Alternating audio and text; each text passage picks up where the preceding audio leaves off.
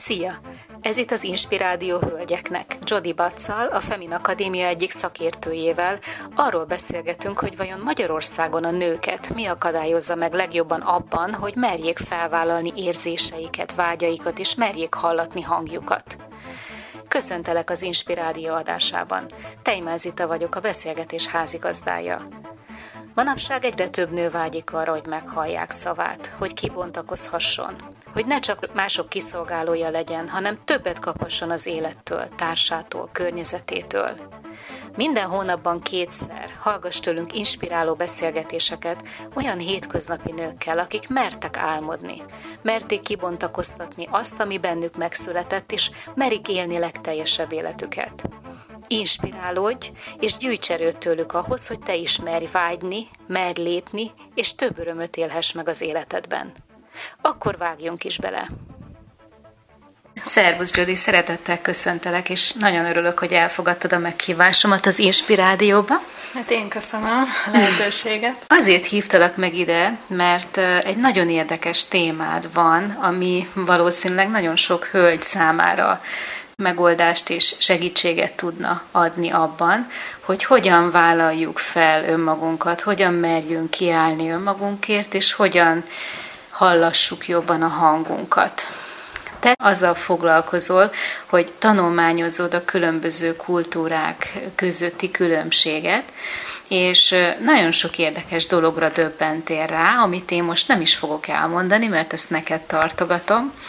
A lényeg az, hogy van valami információ most a birtokodban, amivel indokolt az, és megértik a magyar nők is azt, hogy vajon miért olyan nehézkesen merjük felvállalni önmagunkat, miért nem merünk annyira kiállni magunkért, miért nem megyünk, merünk annyira változtatni magunkon, miért nem merünk kiállni jobban, mint nő.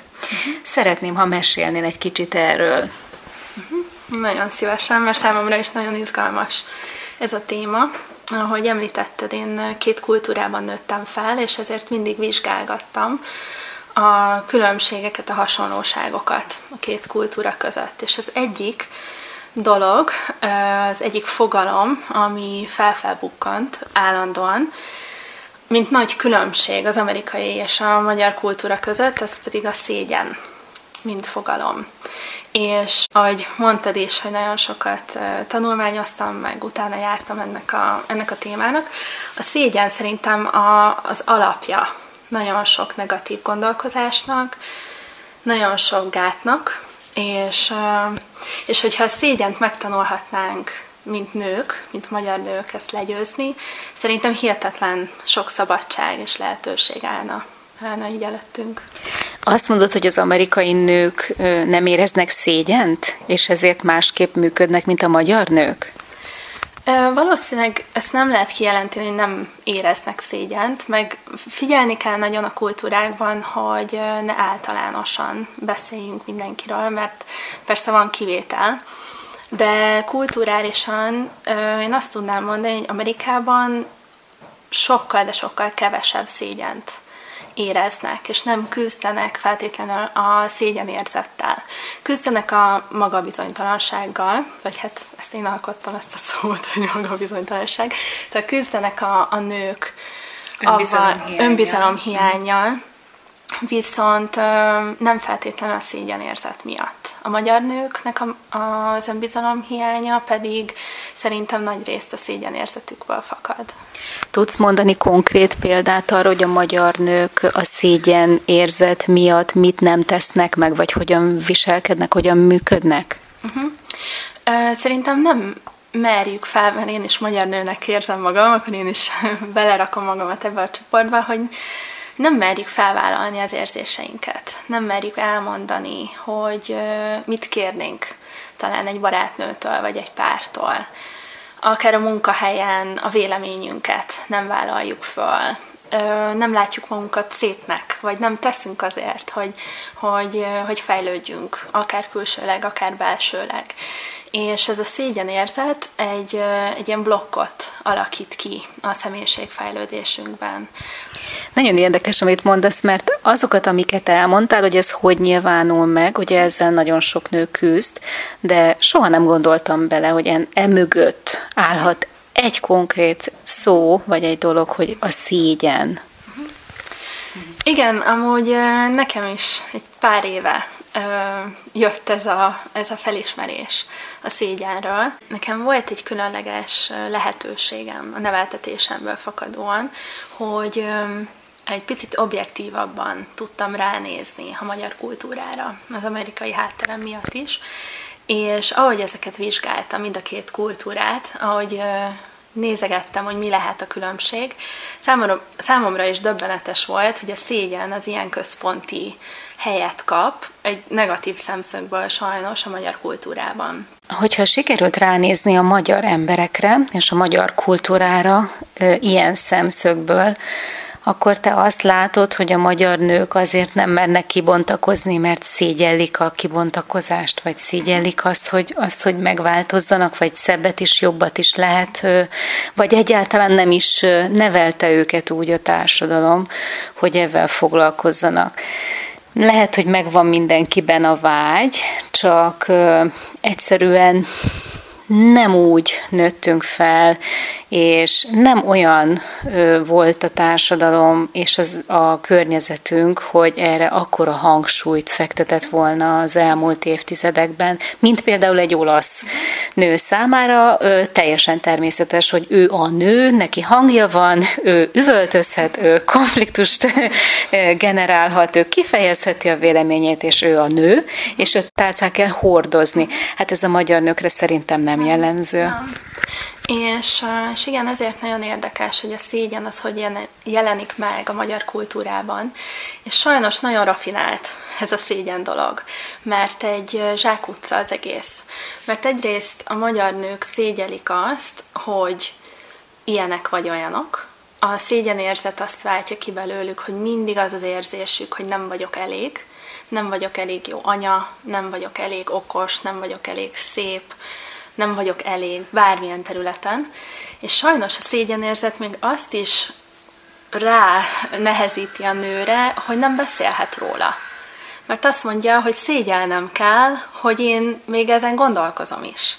És ezért egy zsákutca az egész, mert amikor nem merjük felvállalni önmagunkat, akkor nem merünk önmagunk lenni, nem merünk beszélni arról, hogy fejlődni szeretnénk, és nincs is lehetőségünk akkor a fejlődésre.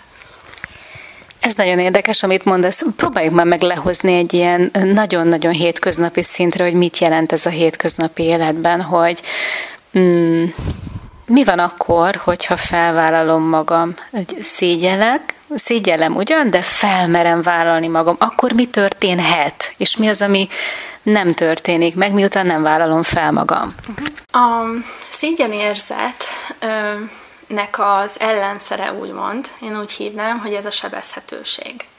És a sebezhetőség az nagyon egyszerűen az azt jelenti, hogy felvállalom önmagamat. Felvállalom azt, hogy én ki vagyok. Felvállalom azt, hogy én elég vagyok egy helyzetben. Felvállalom azt, hogy én képes vagyok valamire.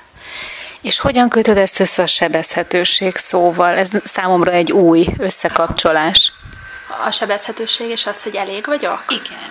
igen. Öm, azért, mert a sebezhetőség az azt mondja, hogy megmutatom önmagamat. És felvállalom azt, hogy sebezhető vagyok, mert lehet, hogy ezt nem fogadják el? Vagy igen, mert... visszautasításra lelek? Uh-huh. Ezért sebezhető? Uh, igen, azért sebezhetőség, mert rizikós. rizikós felvállalni azt, hogy én valójában a legmélyebb énemben én ki vagyok és elfogadható vagyok-e. Mert hogyha állandóan az forog a fejemben, hogy elég vagyok-e, akkor azt fogom hinni, hogy nem vagyok elfogadható. És emiatt én titkolni fogom azokat a részeimet, amiket én úgy gondolom, hogy nem felvállalható. Hmm. És ez egy hihetetlen, és ezért kötöm össze amúgy a, a sebezhetőséget a szégyenérzettel, mert, és azért hívom az ellenszerének, mert egyszerűen muszáj szembenéznünk a szégyenérzettel, ahhoz, hogy ez változzon. Mert ugyanúgy, ahogy mondtam, hogy ez egy zsákutca, hogy nem szeretünk erről beszélni, bele kell állnunk abba a szerepbe, hogy valamivel kibillentjük magunkat, hogy én igenis, sebezhetően, én elég vagyok, és merem magamat felvállalni. Mert ha meg tudom mutatni azt a másiknak, hogy Nekem nagyon-nagyon szükségem van az ő szeretetére, ugye, mert megpróbálom a hétköznapi életből vett szituációval illusztrálni, amit mondasz, mert nagyon izgalmas, csak elképzelni nehéz, hogy ha én felvállalom önmagam és megmerem mutatni, hogy én nekem nagyon sokat jelent, hogy te például vagy nekem, akkor én attól leszek sebezhető, hogy a szégyenérzetet leküzdöttem, felvállaltam önmagam, ugye, és attól leszek sebezhető, hogy ezzel a másik majd mit fog kezdeni, hogy vajon ő, ő visszaél ezzel, vagy sem, igaz? Tehát, hogy itt van a sebezhetőség, hogy ő elutasít-e, vagy örül annak, amit én most mondtam, vagy amit én most szeretnék, ugye? Mhm. Abszolút, igen.